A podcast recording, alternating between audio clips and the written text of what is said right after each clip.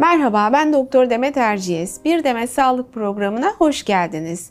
Bugün bizim için çok önemli olan ve nefes aldığımız organımız burnumuzu konuşacağız. Yanımda Florence Nightingale Hastanesi kulak burun boğaz uzmanlarından doçent doktor Ali Oğuz var. Hoş geldiniz Ali Bey. Hoş bulduk. Ee, Ali Bey, e, burundan nefes almanın önemi nedir? Buna burnun ne işe yaradığına e, değinerek başlamak uygun. Burun solunum yolunun başındadır. Alınan havanın nemlendirilmesini, ısıtılmasını e, ve akciğere optimum kalitede gitmesini sağlar. Bir de koku alma e, görevi vardır. Eğer burnumuz tıkanırsa alternatif olarak ağızdan nefes alırız ve ağzımız bu özelliklere sahip olmadığı için akciğere daha kalitesiz hava gider ve boğazımız da kuruduğu için sıkça üst solunum yolu enfeksiyonu oluruz. Peki burun tıkanıklığının sebepleri neler? Burun tıkanıklığının çok sayıda sebebi var. Ancak en sıklarından başlamak gerekirse alerjiye bağlı burun eti büyümesi, burun eğriliği, tıptaki adıyla septal deviyasyon en sık iki nedeni. Ama bunun dışında çocuklarda geniz eti, e, yabancı cisimler, e, üst solunum yolu enfeksiyonları, sinüzit diğer sık nedenleri oluşturuyor. Peki alerjik rinit, sinüzit, e, astımın akciğere olan etkisi nedir? Şimdi hava yolunu bir bütün olarak değerlendirecek olursak alerjik hastaları bir ayrı değerlendirelim. Eğer alerjik rinosinüzit varsa hastada yukarıdaki sorunu çözmeden aşağısı rahatlamaz. Nitekim biz e, çalıştığımız ortamda da akciğer hastalıkları uzman arkadaşımızla kolaborasyonda beraberce çalışıyoruz.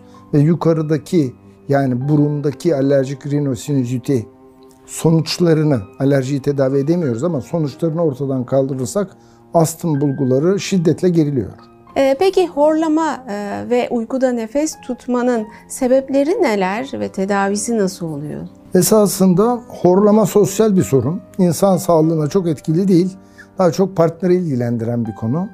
Uykuda nefes tutma ise çok ciddi bir sağlık sorunu. Ee, özellikle erkeklerde uykuda e, ani ölümün en sık nedeni. E, yüksek tansiyon nedeni, kalp krizi nedeni. Bu yüzden de e, konuyu ikiye ayıralım.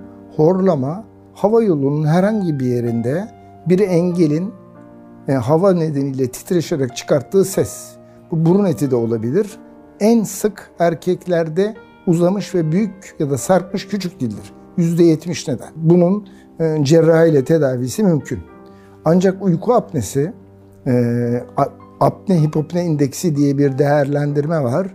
Bu ağır ise bu hastalara mutlaka SIPAP dediğimiz pozitif basınçlı uykuda bir maske veriyoruz ki gece oksijen satürasyonları düşmesin ve kalp krizi riski olmasın.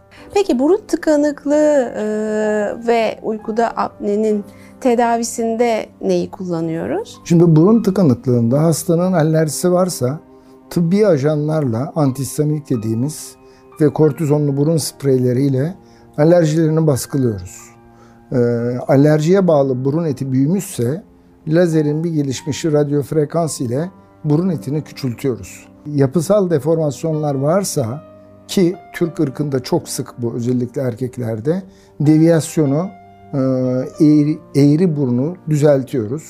Sinüzit kronik ise endoskopik sinüs cerrahisi dediğimiz yöntemle son derece başarılı bir şekilde bunun ameliyatını yapıyoruz. Üstelik de bu hastaların çoğunda bunun üçü birden olmasına rağmen yaklaşık bir saat içinde operasyonu bitiyor.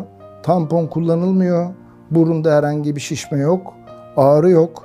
3 haftalık bir kontrol süresi, bir takip süresi var. Ve hasta operasyondan 4 ile 6 saat sonra taburcu oluyor.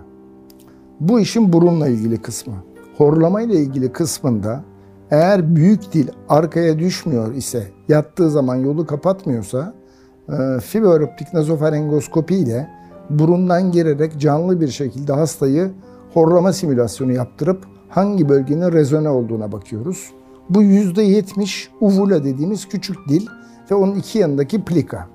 Burada da e, uvulopalatofaringoplasti dediğimiz bir işlemle e, sarkan ve e, titreşen bölgeyi çıkartıyoruz ve traksiyon sütürleriyle o bölgeyi sağlamlaştırıyoruz. Burun ameliyatı gerek deviyasyon, gerek konka, gerek sinüzit hiç ağrılı bir ameliyat olmamasına rağmen UPP dediğimiz horlamada kullandığımız damak ameliyatı bir hafta süresince yutkunurken biraz ağrı veren bir işlemdir. Bir de bu Covid-19 pandemisinde son zamanlarda sık karşılaştığımız delta varyantı var. Bununla ilgili bizi biraz bilgilendirir misiniz? Ne gibi belirtileri oluyor? Doğrusunu isterseniz son iki ay içinde poliklinikte gördüğümüz üst solunum yolu enfeksiyon hastalarında e, genellikle rinovirüs salgını var şu anda. Burun akıntısı, hapşırıkla başlıyor. Sonra boğaz ağrısı oluyor. Sonra da sinüzite çeviriyor ve ondan sonra doktora geliyor. Bu hastalarda yandaş bir bulgu varsa ateş, kas ağrısı, koku bozukluğu PCR testi istediğimizde %10'unda çok hafif semptomlarla geçen COVID var. Yani e, iki Biontech'li insanlarda e, yeni delta varyantı genellikle bir üst solunum yolu enfeksiyonu şeklinde ilerliyor ve genellikle hastaneye yatmak gerekmeksizin tıbbi tedaviyle rahatlıkla geçiyor. Çok teşekkür ediyorum. Ben de çok teşekkür ediyorum. Herkese sağlıklı ve covidsiz günler diliyorum. Biz de çok teşekkür ediyoruz. Ee, Ali Bey'e verdiği bu değerli bilgiler için çok teşekkür ediyoruz. Bir sonraki programımızda tekrar görüşmek üzere. Sağlıklı günler diliyorum.